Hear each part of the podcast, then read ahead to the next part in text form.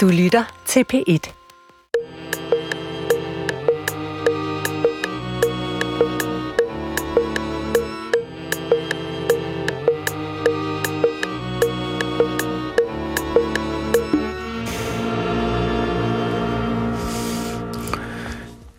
Goddag, mit navn er Peter Lund Madsen, og rigtig hjertelig velkommen til Hjernekassen på P1.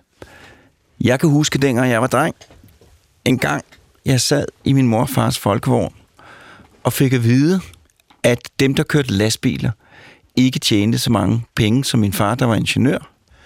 Det kunne jeg ikke forstå, og så fik jeg forklaring, at det var fordi min far havde gået længere tid i skole. Og det synes jeg var fuldstændig uforståeligt. Og den forklaring, den blev så siden inkorporeret i mit sind, således at jeg forstod, at jo længere tid i skole man havde gået, jo flere penge kommer man også til at tjene. Og det var fordi, at jeg udspringer fra en familie, hvor det at uddanne sig har været enormt vigtigt. Fordi min mor kom fra landet, datter af en bondemand, og min far kom fra landet, datter af en landarbejder. Og begge to fik de ændret deres liv via en uddannelse fra noget, de var meget kede af, til noget, de var meget glade for. Og specielt min far, som decideret havde fysisk arbejde, han så jo sin uddannelse som en redning fra at skulle mue ud bag køerne til at få lov til at lave det, der interesserede ham aller, aller mest. Så derfor som en god middelklassedreng, der er jeg sammen med min bror fra tidligste alder blevet opdraget med, at I skal få jer en uddannelse. Og hvis I ikke får en uddannelse, så går det galt. I skal få jer en uddannelse. Og det min mor og far så, det der blev min verden, det var en uddannelse, det var at gå i gymnasiet, og hvis man var heldig, universitet eller noget andet videregående. Jeg har bevæget mig i sådan et fuldstændig fastlagt spor, og der har været en stor del af Danmark, som, som har været rimelig usynlig for mig. Og det er mærkeligt, fordi jeg plejer at sige, at Danmark, det er ikke noget, jeg siger, det er sådan sådan, det er. Danmark er et lille land, når jeg holder foredrag, stort set ligegyldigt, hvor det er. Hvis jeg møder en, så behøver vi ikke snakke særlig lang tid sammen. Så har vi en anden fælles reference, noget familie, noget venner, et eller andet. Det er et lille land. Men der går denne her, blandt andet, synes jeg, barriere ned mellem dem, der gik i gymnasiet, og dem, der ikke gik i gymnasiet. Og det betyder, at sådan en som mig har vidst rigtig lidt om, hvad man egentlig kunne som håndværker, eller med alle de andre ting, man kan lave, hvis man ikke går i gymnasiet. Og der er det sent i livet gået op for mig, hvor meget det er, og hvor åndssvagt, at det er, at de to ting er så skarpt opdelt. Og det er der heldigvis også rigtig mange andre, der ved. Det var blandt andet behandlet i vores statsministers nytårstale. Og i dag øh, er det det, det skal handle om. Øh, det at få en uddannelse, som ikke udspringer fra gymnasiet. Og jeg har to eksperter i studiet, Else Lyking og Ole Heinager. Velkommen til jer. Velkommen til Hjernekassen. Velkommen til lytterne. Du lytter til Hjernekassen på P1 med Peter Lund Madsen.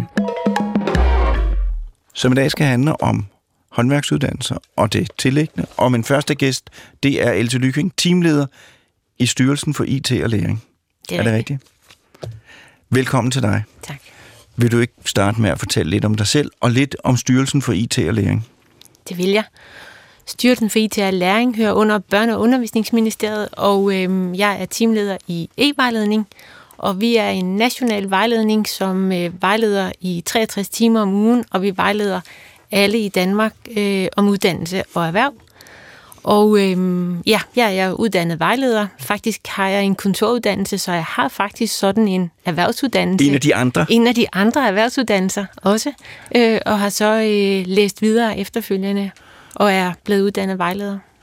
Og kan du fortælle mig, for det lyder som, der har brug for det, hvis man nu ikke går i gymnasiet, hvilke andre sådan overordnet set muligheder er der? Ja, og det er jo det, der er det sjove af det, for vi taler jo bare om erhvervsuddannelserne som sådan en stor masse. Ja. Og der findes over 100 erhvervsuddannelser. Øh, og min er jo så en kontoruddannelse, men der findes jo også alle de her håndværksuddannelser, som vi skal tale om øh, på forskellige vis. Øh, så, så der findes jo øh, virkelig mange, som egentlig er ukendt. Øh, det vi nævner mest, det er sådan murer, tømmer og elektriker. Men øh, vi kommer omkring kok, gardner, øh, struktør, industri. Øh, så, så, og de er ukendt, fordi vi jo bare omtaler dem som, enten så skal man i gymnasiet, eller også så skal man have en erhvervsuddannelse. Og så ved man ikke, hvad er det så for en identitet, jeg får. Og nu siger du industri. Hvad dækker det over? Jamen det, det er jo hele vores industri, altså produktion, øh, øh, hvor vi skal producere alle de her øh, forskellige øh, varer, vi har. Øh, det kan være øh, medicinalindustrien, hvor der sidder nogle meget dygtige folk og programmerer og har styr på, at vi producerer det rigtige, og der kommer de rigtige ting i, i alt det, vi producerer. Så, så det er jo meget avancerede uddannelser, der er i industrien, fordi man passer øh, kæmpe store øh, maskiner. Så det er uddannelser, hvor, vi, altså, hvor man sidder og betjener indviklede maskiner, programmerer, og altså, det er jo ja. et drømmeuddannelse for mange, som godt kan lide at lege med Lego, eller lave computerting og sådan noget der.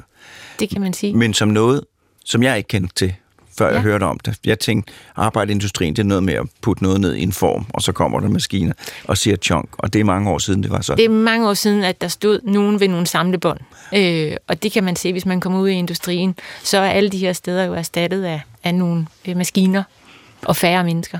Men så har man jo i mange år hørt, at vi mangler håndværksuddannelser eller erhvervsuddannelser. Hvordan kan det være, at det er sådan?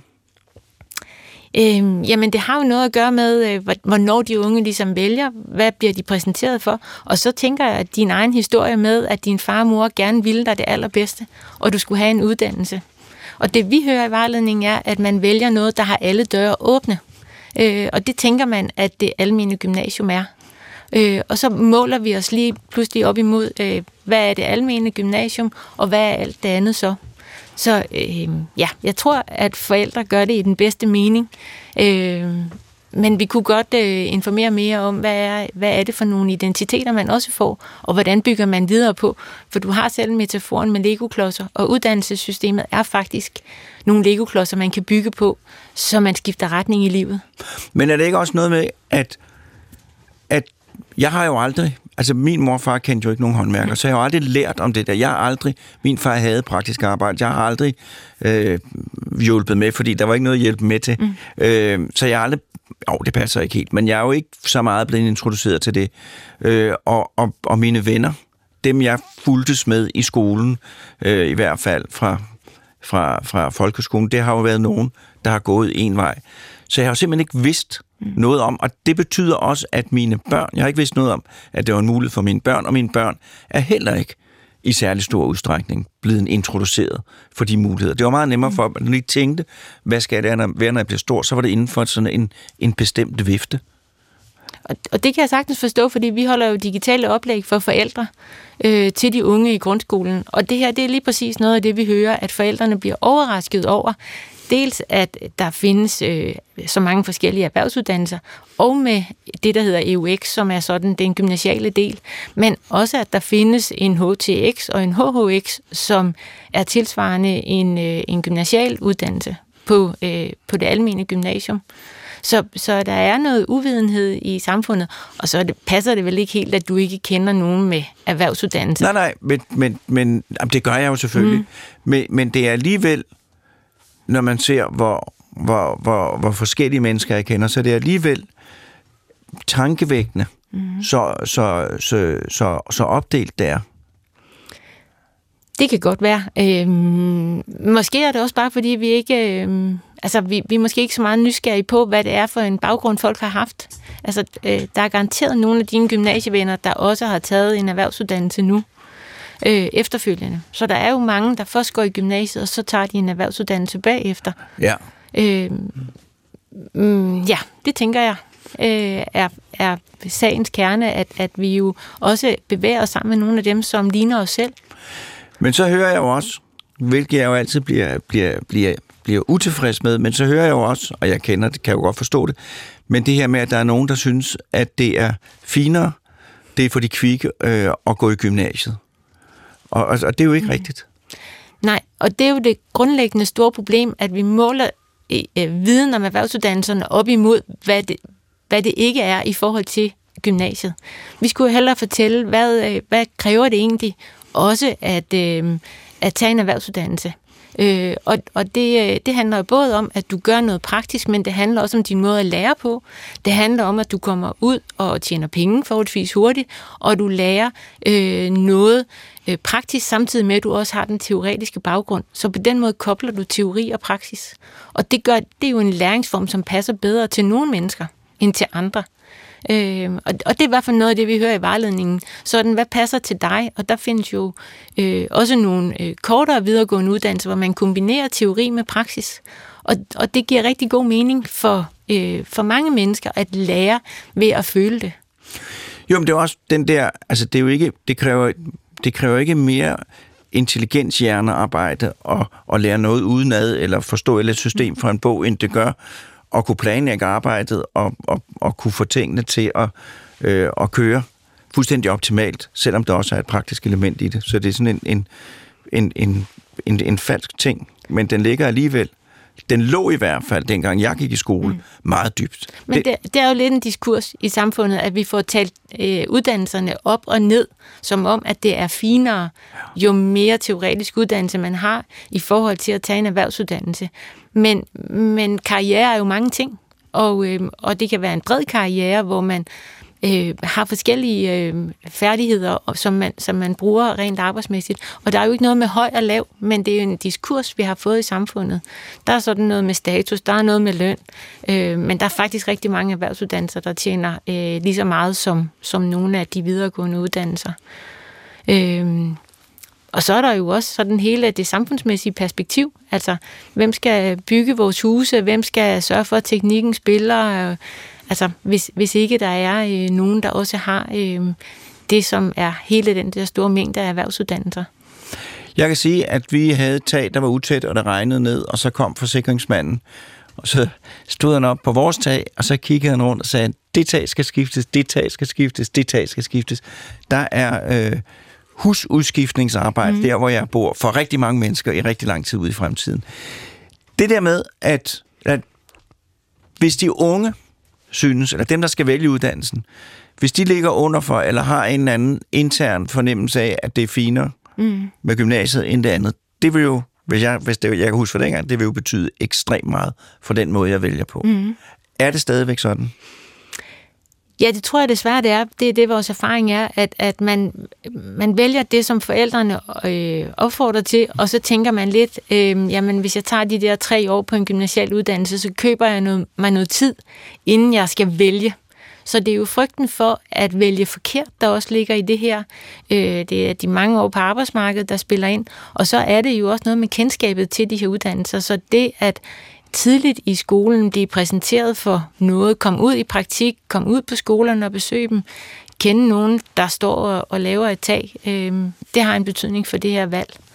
Så det, man kan gøre for at gøre op med det, det er blandt andet at have, nu siger jeg noget, så må du sige det, hvis det er forkert, mm. men, men, men genindføre nogle af de praktiske fag, man havde i folkeskolen i gamle dage, som jeg synes er fantastiske fag, som tjener mange gode formål, sløjt, håndarbejde, alle de der ting, hvor man lærer noget, man kan bruge senere i livet, og hvor man også øh, arbejder med nogle andre ting, end kun noget, der kan læses. Det vil være en af tingene. Mm-hmm. Hvad kan man ellers gøre for at ændre den her diffuse øh, fordom om, at det ene er finere end det andet? For jeg tror, det betyder enormt meget. Jamen, det er jo, at vi skal blive bedre til ikke at, at måle sig imod det her med det gymnasiale. Altså, øh, ja, så det er faktisk øh, forældre og andre voksne, der skal blive bedre til at, at tale øh, alle de her praktiske uddannelser op. Og så siger du, at der er nogen, der vælger gymnasiet, for siger, så, fordi så siger de, så har jeg tre flere mm. år til at tænke mig om, inden det låser fast. Ja. Og det er ikke rigtigt, siger du, fordi at selvom man vender, vælger en erhverv, selvom man vælger at blive bager, så er det bare indgangen til en karriere, der kan ende et helt andet sted. Det er det. Altså, og hvordan for, hænger det sammen? Jamen, dels så kan man jo bygge ovenpå en, en almindelig bageruddannelse, altså en erhvervsuddannelse som bager, så kan man bygge ovenpå med forskellige videreuddannelser. Men man kan også kombinere øh, en del af erhvervsuddannelserne med et øh, EUX-forløb, som er en, en gymnasial uddannelse, så man samtidig med, at man får sin øh, praktiske erhvervsuddannelse og en fagidentitet, også får øh, det gymnasiale, som man kan læse videre på de videregående uddannelser. Så, så der, der er flere veje, øhm, og, og det tænker jeg bare er rigtig vigtigt, at det valg, vi vælger nu, det er ikke for livet. Øhm, så det er den ene del af det. Og den anden del af det, det er med, at øh, i gamle dage, der er sikkert nogle historier om, at man blev nedslidt, hvis man var håndværker. Øh, og, og der er bare sket rigtig meget øh, på uddannelserne med hjælpemidler og øh, arbejdsmiljø og sådan nogle ting. Så, så det kan godt være, at det stadigvæk kan være fysisk hårdt, men, men vi bliver ikke på den måde slidt lige så meget, som vi gjorde i gamle dage. Det er ikke en indgang til en mur, murtilværelse, hvor man skal slæbe flere Nej. hundrede ton sten hver eneste Nej, dag. det tænker jeg også i regn og for det har man maskiner til Ja. meget af det arbejde. Ja. Så det der ekstreme nedslidning, det er også noget, der er, der er væk. Det er også en myte, ja. Men altså, det kommer vi tilbage til senere, men det her med, og det, det, altså, det er jo hvert, hvert år, øh, der, øh, hvor universiteterne kommer med deres, øh, med deres øh, adgangskrav, og, og folk får at vide, om de kommer ind på drømmestudiet, og hvor folk er helt sådan, så tænker jeg, det, det ville være så godt, at man kunne få fortalt det, der er den virkelige sandhed, det er, at alle de der valg, og alle de der, man kommer ind på drømmestudiet eller ej, det betyder ikke, det betyder ikke, det betyder ikke noget, fordi at man kan jo vælge om. Mm. Er det ikke rigtigt? Det er rigtigt. Og systemet er bygget op på, at man kan vælge om. Ja, Og jeg vil jo sige, nu har jeg jo ikke noget med noget at gøre, men jeg vil sige, hvis, hvis jeg skulle, hvis, hvis, øh, altså det er jo en af de ting, der skal redde Danmark, synes jeg, det er, at hvis man så lang tid som muligt kan blive ved med at få lov til at videreuddanne sig. Mm. Ikke alene gør det, at vi sørger for, at folk arbejder med noget, de gerne vil, men hver gang der er noget, der krydser over, mm. så kan det ikke undgå øh, at, at, at give ny viden. Altså jeg garanterer, at hvis, øh, jeg garanterer, hvis jeg blev tømmer, mm. så vil jeg kunne, så vil jeg have noget med fra mit værk og sige, øh, det, kan, øh, det er en rigtig god fif, jeg har fra, fra radioverdenen. Mm. Øh, jeg ved ikke lige, hvad det skulle være. Men, øh, men der, hver gang man, man krydser, så er der mm. også en krydsbestøvning. og det tænker jeg er vigtigt, men, men det der med, at man skal vælge om, altså det handler jo mere om at være oplyst, når man vælger. Øhm, og tænke, altså det er ikke sikkert, at man behøver at drømme på den måde for noget, men man kan have en interesse og vælge en vej, og så kan man bruge den vej til at bygge videre på. Ja, og selvom, man ikke, altså, selvom det ikke sta- starter som drømmestudie, ja. Så kan det være indgangen til drømmetilværelsen. Det er det. Ja, Ja. Øh, og det er i hvert fald, men det gælder jo altid, livet, at hvis, hvis, man, hvis man tror, man skal vælge rigtigt første gang, så er det et meget, meget hårdt mm. valg at skulle træffe. Så, øh, så det du siger, det er, og det er jo vigtigt, at man kan uddanne sig videre Ja, langt mere, end man forestiller sig. Vi vender tilbage til dig senere. det er jo Du lytter til Hjernekassen på P1 med Peter Lund Madsen. Og i dag der handler det om erhvervsuddannelse, og jeg har lige talt med Else Lyking, og min næste gæst, det er Ole Heinager, administrerende direktør, Next Uddannelse København og formand for Danske Erhvervsskoler og Gymnasier, lederne. Er det rigtigt? Det er helt rigtigt, og meget svære titler at udtale og forholde sig til. Ja, men jeg kan, i lægeverden, der kan vi, der kan vi nå meget længere. Men øh, velkommen til. Tak, tak. Og vil du ikke også fortælle om dig selv, om Next-uddannelsen og om den anden? Jo, jamen, øh, hvis jeg skal definere mig selv, så vil jeg jo hellere starte med at sige, at jeg er far til fire, for det er nok det, der betyder mest for mig. Ja. Og så sekundært, der er jeg øh, leder af en øh, stor erhvervsskole i, i København, og så endelig øh, er jeg med til at varetage øh, hele oplysning og interessevaretagelsen på vegne af erhvervsskolernes ledere i, i forhold til erhvervsuddannelserne. Og sådan lige for at starte med, hvad er en erhvervsskole i dag? Så er det jo ikke nødvendigvis, som man tænker det, øh, da jeg var ung, hvor der var en handelsskole, og en teknisk skole øh, og en landbrugsskole. Der er rigtig mange af vores skoler, der er kombinationsskoler. Øh, min egen skole, der har vi 40 erhvervsuddannelser. Vi har EUX, vi har erhvervsgymnasierne, det vil sige Og AUX, hvad er det? EUX. EUX. EUX, jamen EUX, det er det nye sort. Øh, Det er faktisk det, også de unge vælger. Det er der, hvor du i virkeligheden får både et svendebrev og så studiegivende kompetencer, så du kan læse direkte videre bagefter. For eksempel, hvis du er tømmer UX, så kan du øh, starte øh, som ingeniør efterfølgende. Så det giver jo nogle muligheder for, at hele verden er åben. Du kan starte som, i, som svend og tjene gode penge. Du kan starte selvstændig, og du kan faktisk også læse videre. Så, så det er noget af det nye, der er kommet på hylden inden for de sidste 10 år. Det lyder også det lyder fantastisk. Men Det er også fantastisk. Da, som, som vi så bare ved lige nu, så er der ikke særlig mange, der ved om det, øh, eller kender til EUX-uddannelsen. Så, så det er et af vores formål at sige, her kombinerer du faktisk det begge, af begge uddannelsesverdener, altså både den gymnasiale og den håndværksmæssige. Så man kan på EUX, så kan du blive tømmer, og så har du også adgang til at komme ind på ingeniør. Så du kan blive tømmer, så kan du arbejde som tømmer i studietiden. Ja. Øh, og, øh, og du vil jo være ingeniør, når du er færdig, på et helt andet niveau, end hvis du ikke havde den der tømmer Ja, plus, at du måske samtidig som tømmer så øh, har lært lidt mere øh, matematik, så du måske også bliver den, der, der bliver lidt bedre til at sælge og så videre. Så, så det der med, at hånden og ånden ikke er adskilt, men i virkeligheden er, er dybt integreret og fungerer sammen, det, det tror jeg er en vigtig pointe. Og ellers skal man sige, at erhvervsskolerne, øh, jamen min egen skole har faktisk også to almindelige gymnasier, så vi har sådan set hele paletten, 10. klasse, masser af efteruddannelse.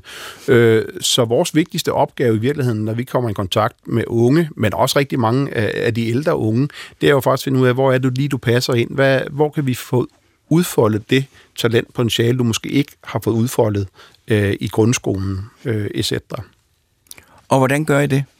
Jamen det gør vi jo ved, og, og en del af det, som Mette siger, det er jo del af, af vejledningen, men øh, det gør vi også ved simpelthen at, at, at starte med at i virkeligheden interviewe dem, og finde ud af, hvad er det, øh, som du bliver motiveret af, hvordan er det, du lærer bedst, fordi jeg mener, øh, nu var I lige inde på det før, men jeg mener, at en af udfordringerne, det er ikke for at udskamme grundskolen, det er, at i dag har vi den her boglige tilgang i grundskolen. Så snakker vi om differentieret undervisning. Det bliver tit med, så får du lidt svære matematikstykker, det ved jeg øh, hjemmefra, så går du i 4. klasse, men du er lidt øh, skarpere til matematik, så får du 5. klasse stykkerne. I stedet for at sige, øh, det kan være, at du så ikke er skarp til matematik. Nej, jeg har bare brug for at stå i værkstedet og lære det. Så det der med, øh, jeg er faktisk imod at få mere sløjt og, og, og, og så videre på skoleskemaet. Jeg vil meget hellere have det integreret. Så det er lige så meget i, i, i matematikteamen, du er nede i værkstedet, eller du øh, øh ikke kun har øh, hvad hedder det, tekstanalyse af Tove Ditlevsen, men du sådan set også er nede og skulle forholde dig til en manual på engelsk, hvordan du samler noget, eller bygger en robot eller andre ting. Så jeg ser det der med en integreret, at vi alle sammen har brug for, for at fortsat kunne udvikle os, i virkeligheden både kunne øh, forme, mærke, føle, skabe. Øh, så, så det er noget af det, vi hele tiden øh, spørger ind til, men, men, men grundlaget i dag for de unge mennesker, det er jo de fleste har haft den her tilgang gennem grundskolen, og så ender man i gymnasiet, og det er cirka 70 procent af en ungdomsårgang i dag, der vælger at tage gymnasiet. Men er det ikke rigtigt, det kommer vi tilbage til med gymnasiet, men det er jo rigtigt det der med, hvis man går i folkeskolen i dag, så lærer man ikke at bruge sine hænder til sløjt eller noget andet. Der er gymnastik, og ellers er det så bolige ting, ikke? Jo, og, og, og det er ikke så meget udfordring. Problemet er, at du ikke får omsat det til praksis, og jeg ja. tror, der er rigtig mange, der vil klare sig bedre i grundskolen, hvis du også fik kobling til, at det skal give mening for mig. Og hvordan kunne man gøre det i praksis? For det lyder som en fantastisk idé, jamen, men det lyder også som noget, der vil være svært at gennemføre. Jamen, vi gør det jo virkelig på erhvervsskolerne, fordi der arbejder vi jo hele tiden med, at, at du faktisk stå på værkstedet, og så får tegnet noget teori på tavlen, og så omsætter du det med det samme. Og det vi kan se på, på, på skolen, det er, når vi får elever ud, for eksempel 10. klasser, som jeg også har på min egen skole, så er der nogle af dem, der har haft det rigtig svært i de første ni år, men når de så får lov til at lære matematikken, engelsken ved at, at, at programmere en hjemmeside og noget andet, så er der en helt anden motivation. Og lige pludselig kan de matematik og engelsk og dansk, de har bare ikke været opmærksomme på det.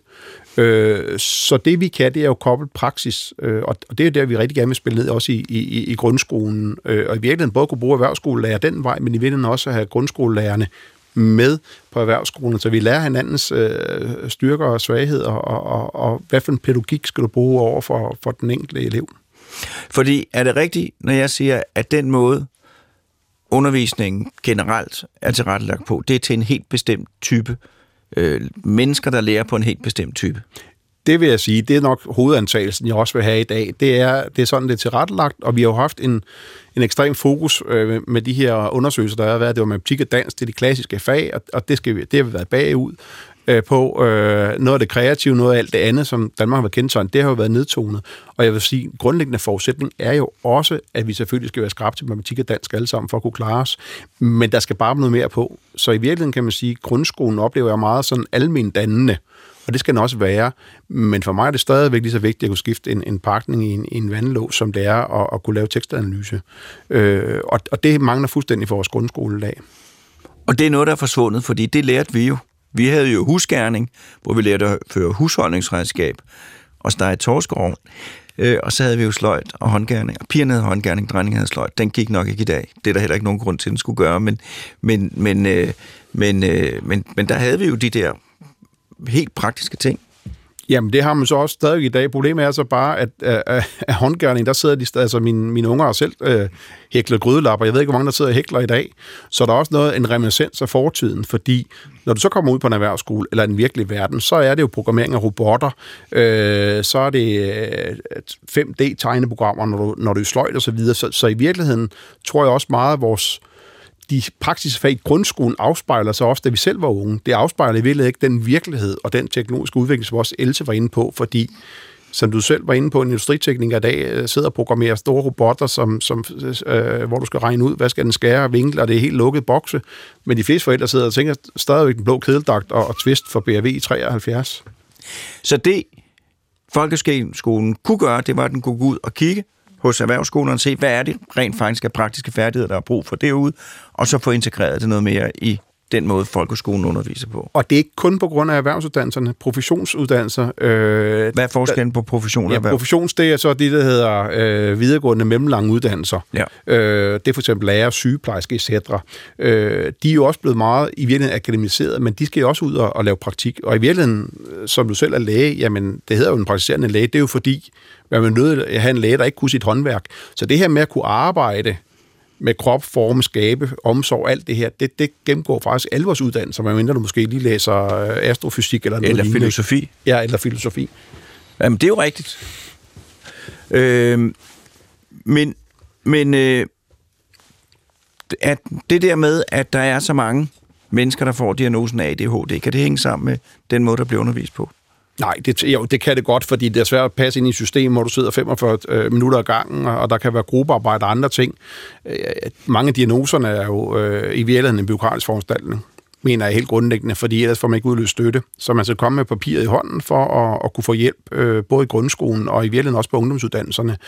Øh, så alle dem, der ligger i gråzonen, de bliver udfordret. Og så har vi selvfølgelig også øh, været med til at talsætte, at dem, der har øh, forskellige diagnoser, de så også er udfordringer, problembørn og så videre, i stedet for at fokusere på de potentialer, du har, at, at du er fri, kreativ sjæl, og det kan godt være, at du ikke sidder 45 minutter i gåseøjen, øh, i pigeskolen, øh, du kan noget andet, og det er også derfor, at vi specielt ser rigtig mange drenge, der ikke har nogen diagnose, som har rigtig svært ved at klare sig i grundskolen, for de bliver simpelthen ikke øh, motiveret af den undervisning, der foregår.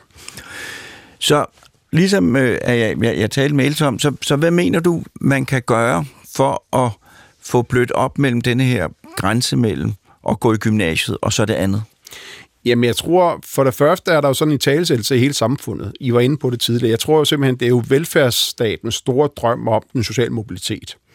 Øh, arbejdersønnen øh, bliver faglært, øh, første student, øh, så kører vi mellemlang, så kører vi universitetet. Det vil sige, at øh, alle dine børn skal jo have en PhD, hvis de skal de skal, skal de, ja, ja, mine de skal børn, de har ingen chancer. Nej, nej, nej. Ja, men, men, og, og, og, så, så det der med, at vi har haft en linje tankegang, ja. snakker også om højere uddannelser, i stedet ja. for at sige, så bliv rigtig god til det, du er god til. Ja. Så jeg mener faktisk, det er helt nede i, når man starter i, i, i nærmest i 0. klasse, du hvad er min læringsstil? Hvor er det, jeg rigtig godt være? Fordi den rigtig gode praktiker kan jo også af veje blive overlæge. I dag har vi bare valgt det primære øh, teoretiske, du fokuserer på, og det er den vej, du lærer. Så, så jeg tror, vi skal starte meget tidligere, og vi har ikke råd til ikke at vurdere hver eneste øh, lille individ, der kommer i skolen og sige, hvordan lærer du bedst? Hvad er dine læringspræferencer? Er det at have det hele mellem hænderne? Er det at kunne mærke det i hænderne? Lærer du visuelt? Hører du? Det bliver der overhovedet ikke fokuseret på i dag. Til nød, om de er ordblinde eller ej. Og der tror jeg, at vi vil kunne få rigtig mange unge til at udfolde deres potentiale, og så faktisk komme til at skinne og blive super gode til det, de laver, frem for at have en eller anden stræben efter, at de skal være noget finere, hvor de måske ikke trives og får godt liv. det er jo også tiden at gøre op med, at det er finere ja. at være overlæge, end det er at, at bygge tag på Frederiksberg. Altså, det vil jo være, en, det vil jo være en, en gave til det hele, hvis idealet var, at man skulle gøre sig umage og være dygtig. Øh, fordi at, at, altså, det er jo sådan, det er, og det vil jo frigøre øh, en masse øh, energi, hvis det var sådan, man gjorde det. Altså i Taiwan, der er det jo lige så fint at være snekermester. Det tager 15 år, fordi der er ligesom at tage et sort bælte i karate. Der bygger du på for at være fejnsmækkeren. Så det er på samme niveau som, som professoren på universitetet.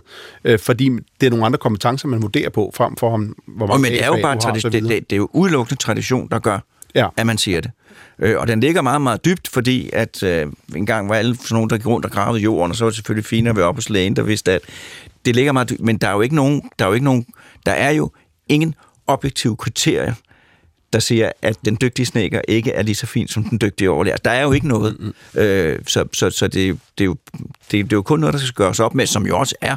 Altså, øh, jeg har fornemmelsen af, at, at, at de, de hippe ude på Østerbro, de bliver jo stolte, når deres sønner kommer og siger, at de gerne vil være snækker, og det er jo godt.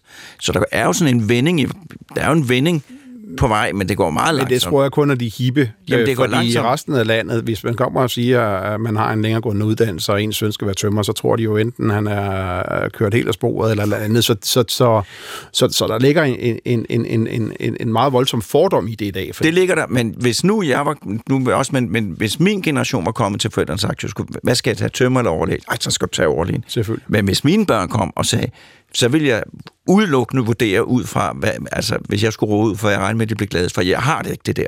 Og, og det, er der, altså, det er jo ikke nær så stærkt i min generation, som det var tidligere. Og man kan håbe på, at det er endnu mindre fremtrædende sidenhen, for der er jo ikke noget objektivt kriterie, der understøtter det. Men der er selvfølgelig et andet element også, når vi så snakker erhvervsuddannelserne, det er jo, at erhvervsuddannelserne er skruet sådan sammen, at det var meget lidt skole, du er i virkeligheden. Så det er ikke skolen, der er interessant, for der er du 20 procent af tiden. Resten af tiden er du jo ude i en virksomhed. Og, og der er det selvfølgelig den her udfordring med, at du kommer som 16-17 år, og så skal ud i, i, i skurvognen i virkeligheden fra dag 1 Ja. af, hvor dine venner på gymnasiet øh, jo har tre år, øh, hvor du i virkeligheden, som jeg plejer at sige, de, de kan sove lidt længere, og, og, og, og som Gå til tømrer, festerne. gå til festerne, og som tømmer står du klokken 7 på, Ja. på byggepladsen i Frostvær, og hvis du står i frisørsalongen, så starter du klokken 9 lørdag morgen.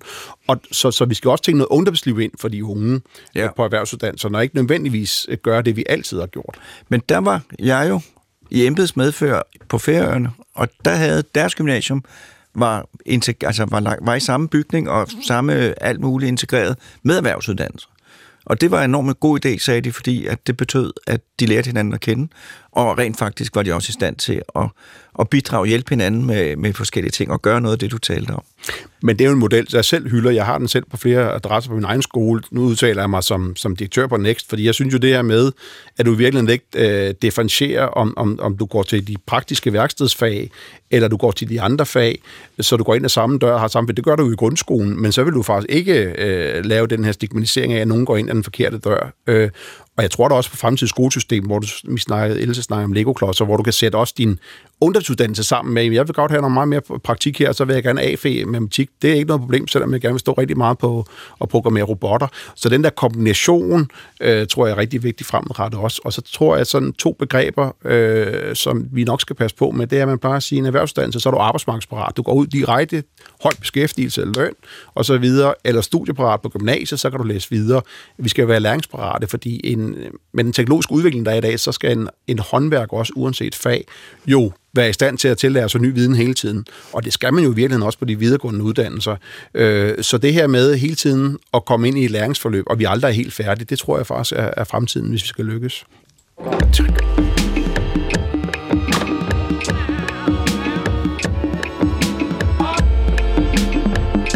Du lytter til Hjernekassen på P1 med Peter Lund Madsen.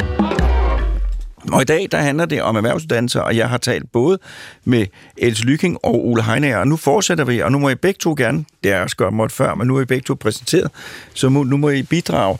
Øh, så, så I siger begge to, at fremtiden, den fordrer et samfund, hvor folk hele tiden uddanner sig. Hvad kan, er der er, I har, du fortæller om, om, om, at du har en, øh, en skole, hvor det, er blandet, men er, går det hurtigt nok med at få, få tingene blandet op, og hvad kan vi gøre for, at det går hurtigere? Altså, du tænker på at blande øh, Ja, gymnasie og, og få og det her, altså i mit ideelle øh, fremtidsscenarie, der er, der, er, der er grænserne meget mere flydende, og øh, der er muligheden for at skræddersy sin uddannelse til hver en tid, den er meget større, øh, og øh, denne her... Øh, det her grænsen mellem os, mellem teori og, og, og, og, og, og praktik, er, er mere flydende, fordi jeg kan jo kun se det som, som for det enkelte individ, man slipper for alt det der stress, og man nu får drømmeuddannelsen i første hug, og specielt for samfundet, altså den der gensidige øh, befrugtning og, og mulighed for at, at være fleksibel. Det, for mig ville det være det ideelle. Og også det her med, at man at man ikke mistede kontakten der, når man gik ud af folkeskolen, at der var en kontakt, der forblev. Og en af de ting, som du siger, der kan være problemet, eller som, undskyld, som, som Ole siger, der kan være problemet, det er jo, at, øh, at hvis man vælger erhvervsuddannelsen og får praktik, så skal man stå klokken syv og være klar ude, mens alle gymnasieelever, kammerater, de sover længe, fordi de skal til fest om fredagen og bygge energi op til at være klar til det. Så, så er der nogle ting, man kan gøre for at, at fremskynde det her? Jeg, jeg vil sige, der er jo ikke noget alternativ til, at, at vi ikke får kigget på det, fordi vi står i, i en akut krise allerede nu, med at der mangler rigtig mange faglærte, men vi står jo også for, for hele den grønne omstilling, hvor erhvervsuddannelserne har en vigtig rolle. Så, så det, at regeringen lige nu også går ud og siger, at det er et højt prioriteret område, en, en statsminister, som nærmest tredje dot siger det både nytårstalen og, og, og, og ved udmelding af ny regering, det, det har vi store forhåbninger til. Men, men der er nok brug for lidt større håndgreb også, end, end, øh, end i virkeligheden det her med at lave nogle lappeløsninger. Fordi det her, det har jo stået på rigtig mange år. Man har talt ekstremt meget om det. Der har været mange øh, skoletaler, bragsnak, etc. Der er jo ikke grundlæggende blevet rykket på kulturen, så jeg tror, at man skal, man skal i virkeligheden lave en bred øh, vifte af indsatser. Øh, den ene er jo helt den kulturelle øh, i talesættelse af det her. Øh, det, det gør vi nu. Det gør mm. vi nu. Øh, det er helt uh, samarbejde i grundskolen. Jeg tror ikke uh, overhovedet ikke på brobygning tre, tre dage i 8. klasse. Nej, du skal have nogle længerevarende læringsforløb, hvor du kan tage matematik med ud på, på erhvervsskolen og vice versa osv. Uh, vi skal nok give de unge der vælger en erhvervsdannelse, noget mere tid i starten, så de også får et ungdomsmiljø, de også får mulighed for at lave festerne, før de skal stå skoleret ude i virksomheden. Der er nogen, der så har brug for at komme ud i virksomheden, der må man lave en kombi, så det ikke bliver one fit it all. Øh, og så er det jo stadig vigtigt at huske erhvervsuddannelserne, at, at det er to dele. Der er alle de unge, de udgør faktisk kun 20 procent. Resten af erhvervsuddannelserne, de kommer faktisk af plus 18, fordi de er ude og prøve noget før, eller gået i gymnasiet osv. Så, videre. så det er ligesom to indsatser, man ja. skal have gang i. Jeg, jeg, tænker, at, ja, jeg tænker også, at der findes jo rigtig mange uddannelsesmuligheder. Både altså, sådan ordinære uddannelser og også efteruddannelser. Så jeg tror også, der er sådan noget med kendskab til det, og noget kultur med, at vi uddanner os. Og så skal virksomhederne jo spille med, og også måske prikke nogen og sige, vi vil gerne hjælpe dig til noget mere uddannelse, fordi sådan og sådan. Og så tænker jeg faktisk, at hele foreningslivet også spiller ind. Altså fordi nu taler vi om fester, og vi sidder her og er gamle og har nogle fordomme om, at gymnasieelever fester, og det er det, de unge gerne vil have. Men, men sådan er det jo ikke helt. Altså, så jeg tænker også, det der øh, tilhørsforhold til en fodboldklub, øh, spejder, alt muligt af fritidsliv, øh, det spiller også en vigtig, vigtig rolle, fordi det er jo også der, de unge så kan få det der unge liv, øh, som kan gøre, at de også kan formå at begå sig ude på arbejdspladserne. Så jeg tror, at det sådan er en, en generel øh, ting, at vi skal se bredt på det i samfundet. Men jeg tror også, at man det er ikke altid, som udtaler man så bare for sit lille personlige ståsted, men jeg tror også, at, at for nogen, der er der også en manglende oplysning om, hvad industriteknikuddannelsen rent faktisk er, og hvad det kan tilbyde, hvor mange muligheder der er i det, og også, at det at få en håndværksuddannelse, det har ændret sig øh, siden øh, start 80'erne, øh, at det er noget andet. Øh, det tror jeg, jeg tror, at, at der er mange som mig, som kunne have kraft godt af øh, og, og, og få at vide, øh, hvad det rent faktisk indebærer, og at det er en reel mulighed. Og, og så tænker jeg, at det er der jo bare rigtig meget viden om. Lige om lidt er der DM i Skills ja. igen. Og, og det er jo der, hvor alle de her erhvervsuddannelser også findes, og man kan komme og høre mere om og se, hvad der sker. Øhm, så jeg tænker egentlig, at oplysningen er der, men en ting er, at den er der, men hvordan tager man den ind? Altså, hvordan er den med til at ændre øh, det valg, jeg gør? Men DM i Skills, bliver det, bliver det sendt i fjernsyn eller radioen? Øh, der er i hvert fald reportager fra DM i Skills. Øh, nu må du korrekt mig, Ole. Øh, men men øh, der, er, der er i hvert fald masser af aktiviteter og synlighed omkring DM ja. i Skills, og ja. der har været alle mulige aktiviteter omkring det. Men jeg, jeg tror i virkeligheden, vi er nået et sted nu, hvor oplysning, det, det er stoppe blødningen, og den brobygning, der foregår i dag, det stopper blødningen, men det er, ikke, det er ikke det, der kommer til at, at rykke. Det er, at vi skal tænke i nogle fremad nye former, som for eksempel i UX'en, hvor du kombinerer øh, de forskellige elementer øh, for at få skruet de rigtige uddannelser sammen. Øh, og det sker ikke på den korte bane. Men noget, man kunne gøre, for eksempel også i det almindelige gymnasium, det var jo at gøre det mere erhvervsrettet også. Altså i virkeligheden at lave virksomhedsforløb. Øh, altså, man fokuserer jo meget på i gymnasiet. Det gør man sådan set også på HTX og HX. Hvad skal du læse? Ja, HT, ja. ja HTX, jamen, jeg, jeg nåede heller ikke helt grundfortællingen. HTX, det er jo øh, højere øh, teknisk eksamen, som jo i dag er, er meget det, hvor vi taler ind i stemkompetencer. Det vil sige, det er uh, science og teknologi, uh, engineering og så math, som jo er, har benhårde uh, kandidater til ingeniørstudier, lægestudier osv. Det var der, jeg skulle have gået. Det var der, du skulle have gået. Og det er jo virkelig kun 10 procent af eleverne. Og så har vi HHX, det er jo den høje handelseksamen, uh, hvor du ender på uh, Copenhagen Business School bagefter osv. Og, og de er jo på samme niveau som det almindelige gymnasium. Og det udgør cirka 30 procent af den population, der vælger øh, gymnasie i dag. Men de er mere erhvervsrettet, det vil sige, der har du for det første mere anvendelsesorientering indeni. Du har for eksempel virksomhedsøkonomi på HHX, som betyder, at du ved, hvordan en virksomhed skal drives. Du har teknologifag på, på, på HTX, hvor du står også og programmerer robotter og sådan noget. Så noget af det, det er jo noget af det, som, hvor de, man ikke kun er almen dannende, men i virkeligheden har en, en karrieredannelse med os, eller i hvert fald en erhvervsrettet dannelse med os. Og det tror jeg, man skulle gøre i hele uddannelsessystemet, så man ikke så fokuserer på, hvad er det, skolen kan byde, men hvad er, det, hvad er endemålet? Hvad er det for noget, du kunne arbejde med? Hvor er det, du lykkes? Hvordan kan du se dig selv? Vil du bygge Lego-klodser? Har du lyst til at stå og skære i mennesker, eller altså som læge, ikke? tænker jeg. ja. øh, lidt karikeret sagt. Men, men, men, men det tror jeg kommer til at betyde rigtig meget i den her sammenhæng, så fordi grundskolen, det lyder som om, jeg virkelig bachelor grundskolen. Øh, jeg sætter faktisk stor pris på den, men det er det her med, at det kan godt være lidt lukket kredsløb. Øh, så det der med, øh, virksomheden lige nu har også noget, der hedder åben skole, hvor man har mulighed for i grundskolen at lave projekter sammen med virksomheder osv., og, og det tror jeg, hele den der åbning mod resten af samfundet, fordi man er en integreret del af det, det, det vil være rigtig fedt. Hvad siger du? Jamen altså, det kan godt være, at det er en blødning og ikke stopper. Altså, jeg tænker bare, at den her historie har været der i rigtig, rigtig mange år. Og, og jeg tror stadigvæk på noget oplysning. Altså, øh, fordi dem, der påvirker de unge, og meget hurtigt får rettet dem ind imod en vej, som er den STX-vejen, som er den almene gymnasium. STX, det, det er det almene gymnasium? Det er det almene gymnasium. Det kræver altså en højere handelseksamen og orden i alle de der ekstra. Nå, men det er også derfor, at, at oplysning er vigtig, fordi ja. at, at øh, vi kan høre, at folk bliver overrasket over, i princippet, så giver, øh, uanset hvilken en af de gymnasiale uddannelser og EUX'en, adgang til de videregående uddannelser på lige fod. Der kan være nogle adgangskrav, man så også skal have, men det kan, det kan man håndtere. Men i princippet giver de lige adgang. Og det, det bliver man overrasket over, så jeg tænker, det er rigtig vigtigt at tale med de unge om, hvordan lærer du bedst, hvad er det for nogle fag, du interesserer dig for, øh, hvor er det, du er, er god, øh, og så noget med læringsformer. Altså, fordi det har jo betydning for også, hvordan de trives på ungdomsuddannelsen. Altså, vi, vi ser jo også eksempler på, at nogen slæber sig igennem en STX.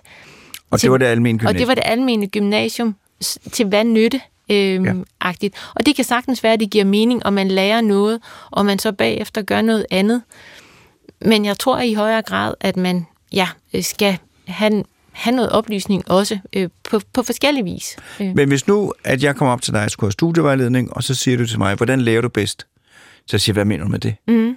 Hvad vil du så svare? Jamen, så vil jeg jo spørge dig om, jamen, er du, øh, kan du godt lide at sidde og læse øh, teoretisk, eller, eller lærer du også ved at have det øh, i hænderne? Altså, jeg synes jo, Oles eksempler er rigtig gode. Hvis du skal være automekaniker, så giver det jo god mening, at du lærer noget som matematik og, øh, og teknik, som du kan bruge ind i noget med automekaniker. Fordi så, så, øh, så er du mere tændt på det, og mere interesseret i at lære det. Og det er jo de eksempler, Ole også kommer med, sådan, som man kunne integrere i undervisningen. Det giver måske også mere mening, at, at hvis du skulle lære at lægge et tag, jamen, så kunne du lave nogle beregninger på det, og så var det jo matematikken.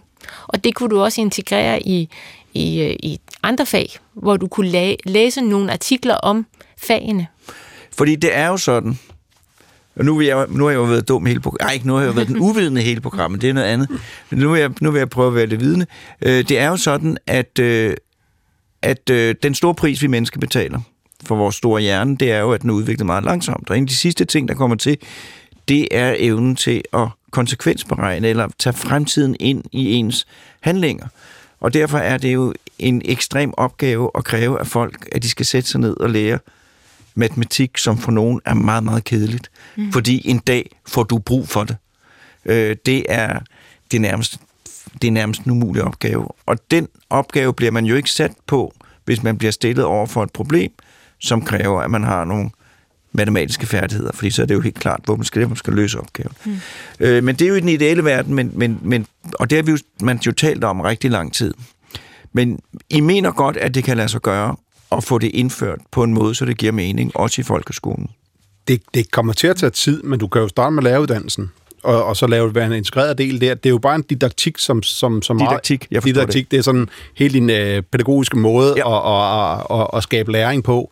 Øh, så i virkeligheden det her med at så integrere det, at, at det er lige så øh, vigtigt som at kunne differentiere undervisningen i forhold til niveau og alt det andet. Så det skal man jo arbejde med at starte på lærerstudiet.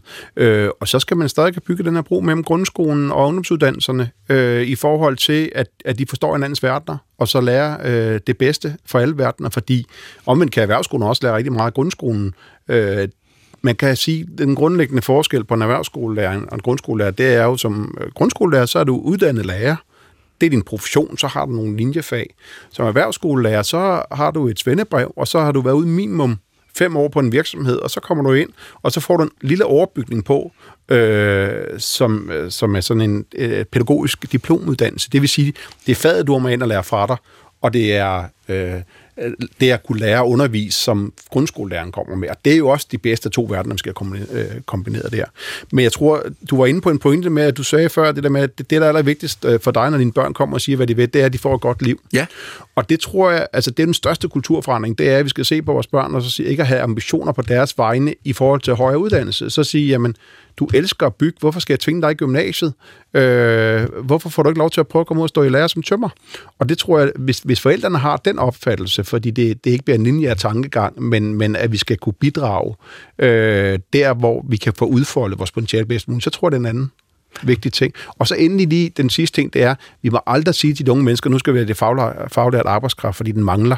Det er de iskold over for, de vil have identitet og et eller andet, de kan identificere sig med, en del af et fællesskab og så videre. Jeg valgte at blive tømmer for landets skyld. Ja, Nej, ja. Men, det, men jeg kender jo jeg kender jo mange, ej, jeg kender nogen i hvert fald, hvor jeg udefra, dem som ikke er særlig glade for at gå i skole, og hvor jeg udefra tænker, de vil kunne få en langt, langt bedre tilværelse som håndværker. Men hvor barrieren egentlig ikke så meget forældre, hvor det ikke er forældrene, der er barrieren, men hvor det er dels de andre skal i gymnasiet og skal til fester, og også dels det der med, at ah, så er man måske også, altså, øh, sk- altså det ligger sådan. Og, og, og det er jo det er jo enormt svært at gøre op med, men det er jo enormt vigtigt, og det er jo enormt, jeg synes, det er så ærgerligt, øh, at man kan sidde og se mig og sige, fordi altså, det er simpelthen bare fordi, at, at du skal bare en anden retning, for at det kører naturligt. Og der, der, men der er det jo svært at gøre noget ved det. Nej, det kan vi godt. Men Ja. det handler jo om, hvad det er for en diskurs, vi har. Altså, fordi vi skal grundlæggende begynde at tale om det på en anden måde. Vi har også i vores vejledning øh, voksne, der har en kandidatuddannelse, som kontakter os og hellere vil have en erhvervsuddannelse. Og de oplever jo, at det bliver sådan lidt identitetstab. Altså, fordi så går jeg jo ned af stigen. Altså, så jeg tror, vi simpelthen grundlæggende skal se på karrieren som noget andet end en stige, der går op eller ned. Men som, som det gode liv, øh, der, der er cirkulært. Og vi bevæger os i livet. Øh, vi skal være på arbejdsmarkedet i mange år. Øh, og så skal vi finde det gode liv i det. Jo, men jeg så jo ja. Sådan en, en, en opgørelse om social mobilitet, Mm. og hvor et eller andet, det var gået ned eller noget. Ja. Så et af problemerne var, at der var akademikerforældre, der fik børn, der var håndværkere, og det var så en nedgang. Mm. Altså, det, det synes jeg altså er vranglært. Der burde være et stort et eller andet skrabe. Ja. der siger, sådan, det der kan ikke skrive, sådan kan det ikke være, fordi det er jo fuldstændig absurd. Ja, men det er jo den måde, som vi omtaler det på. Det er derfor, det er det, der bliver ved med at blive skrevet. Så sådan medieverdenen og alt muligt skal ændre måden, vi taler om det på. Ja. Men man kunne også snakke nu, når, vi, når det er et hjerneprogram, øh, at vi blev målt og varet på efter øh, grundskolen på vores syv eller seks intelligenser. Altså fordi det i at kunne begå sig i dag, det er jo lige så meget øh, samarbejde og sociale relationer og alle de andre intelligenser. Og nogle af de elever, der måske ikke er så skarpe til at og, og, og, og så lære bogligt, det kan være, at de er fantastiske til at yde omsorg, eller at de kan læse øh, spillet mellem mennesker på en helt anden måde. Og det bliver man jo virkelig ikke vurderet på i dag. Altså du bliver meget øh, vurderet på dine helt basale karakterer, på de tre vigtigste fag, og så er det det. Og så kan du være et fantastisk menneske på så mange andre områder. Øh, men det tæller ikke med i det regnestykke. Jeg sejlede en gang på de syv verdenshave. Åh, oh, det bliver langt. Nej, jeg sejlede en gang på de syv verdenshave med Galatea-ekspeditionen. Det var på flådens skib. Øh, og de marinefolk, der var på det skib, de var selekteret ud for det, man firkantet kan kalde social intelligens. For ellers kunne de ikke overleve i det miljø. Mm.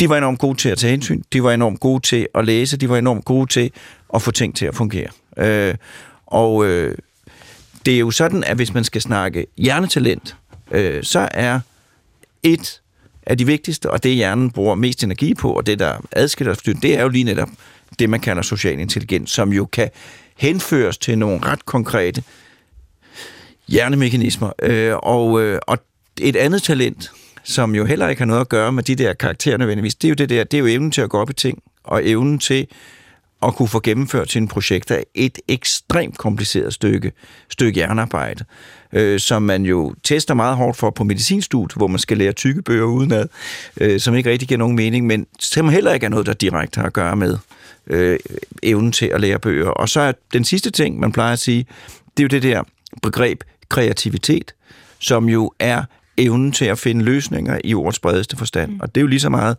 hvordan man får dejen til at hæve mm. øh, bedre, mm. som det er. Så, så, så, så helt klart. Øh, men det er jo det, det er jo en, en, en, en, en meget gammeldags, altså det er en gammeldags holdning, som ligger øh, tungt, men som, som, som det må være på tid at gøre op med. Ja, så i virkeligheden, når vi, når vi snakker øh, udvikling af hjernen, så er også det, vi vil have evnen til at specialisere os, fordi når man har været en gruppe hvis nu går mange år tilbage, der hvor vi sad og, og spiste ådsler og nedfaldende frugt og var koldere end øjne i, i grotten. Det er mange år siden. Øh, og så fandt vi ud af, at i stedet for at vi alle sammen sidder og hakker en flis af, af flintes, det, ja. altså flintesmeden, så lavede vi en flintesmed, fordi han var den bedste til det, han er talent for det. Men så skulle han ikke fokusere på at tænde bålet og gå på jagt, det var der nogle andre, der var bedst til. Og, det der, og så havde han måske sønnen, der stod i lærer eller den anden. Og det er jo faktisk helt grundlaget i dag for vores erhvervsuddannelse, det er det der med, at du har specialiseret dig, du er rigtig god til noget, øh, og så lærer du det fra dig og står i lære. Øh, så det er sådan set noget, som jeg i hvert fald ser har været igennem hele menneskets historie, hvor også evnen til, og, og så er der tømmeren, han startede med at bygge den første øh, dør, de satte i hulen, så de ikke fik træk længere, etc. etc. Men der har det med at kunne have et håndværk og udvikle det over tid, ja. øh, været noget af det allervigtigste, tror jeg i hvert fald på. Jamen det er jo det, der adskiller den tilværelse, vi lever i dag, fra tilværelsen i levede stenalderen. Det er jo sum med viden, vi har hentet sammen. Og det er jo ikke kun det, der står i bøger. Det er jo også, hvordan laver man dør, hvordan bager man et brød, og hvordan. Og det, der jo er fantastisk, det er jo, at nogle af de samme grundteknikker, de er opstået forskellige steder, øh, og er blevet udviklet. Og, øh, så, så, så det er jo, altså den, den, den manuelle del, den manuelle viden er fuldstændig lige så, så vigtig som, som, øh, som den teoretiske i bøger nedfældede viden. Så, så det er der ikke nogen diskussion om. Så, så, så det er det er jo altså en, en, en, en opfattelse, der er opstået, og som, som, som ikke har en, en, en, en objektiv rigtighed, øh, at det ene er, er bedre, men som er stadigvæk ligger der. Øh, så du kan gøre noget, når du vejleder. Det kan jeg. Ja, øh, og du kan også gøre noget på den måde, at, at uddannelserne sættes sammen på.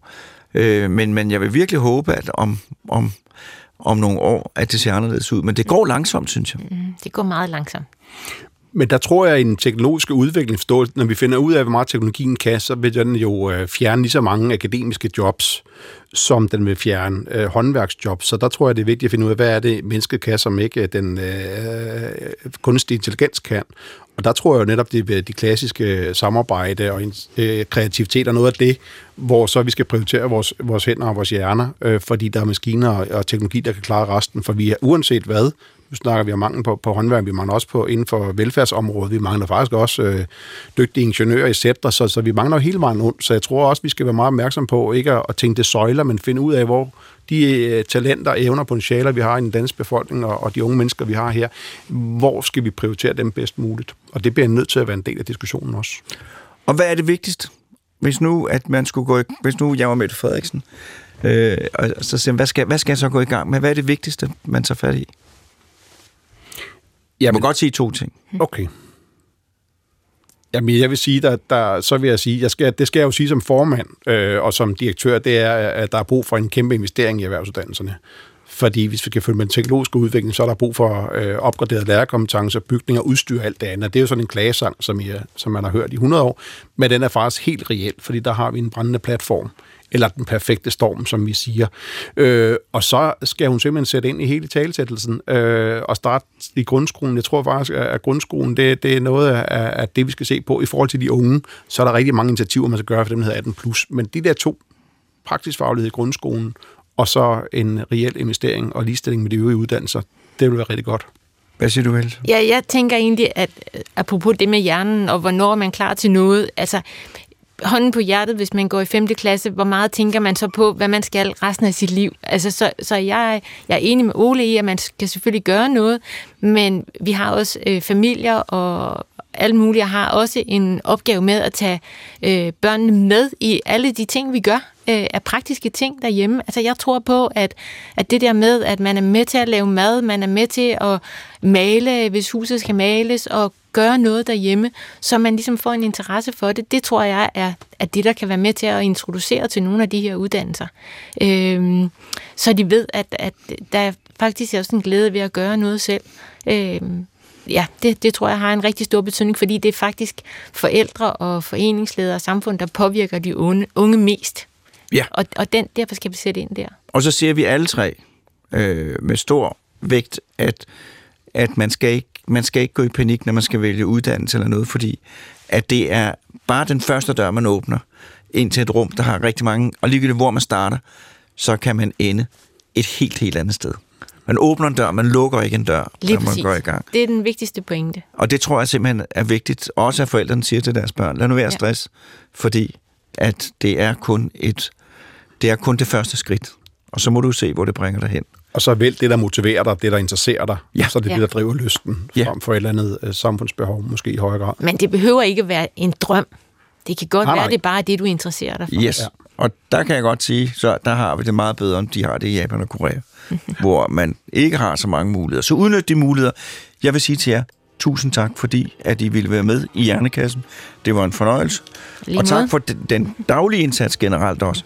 Øh, og jeg vil også sige tak til Morten Krøjholdt for, øh, for, for at være producer, øh, og selvfølgelig til jer lyttere. Uden jer var vi ingenting. Øh, tak for det. Og sagt herfra med glæde øh, på genhør med nu.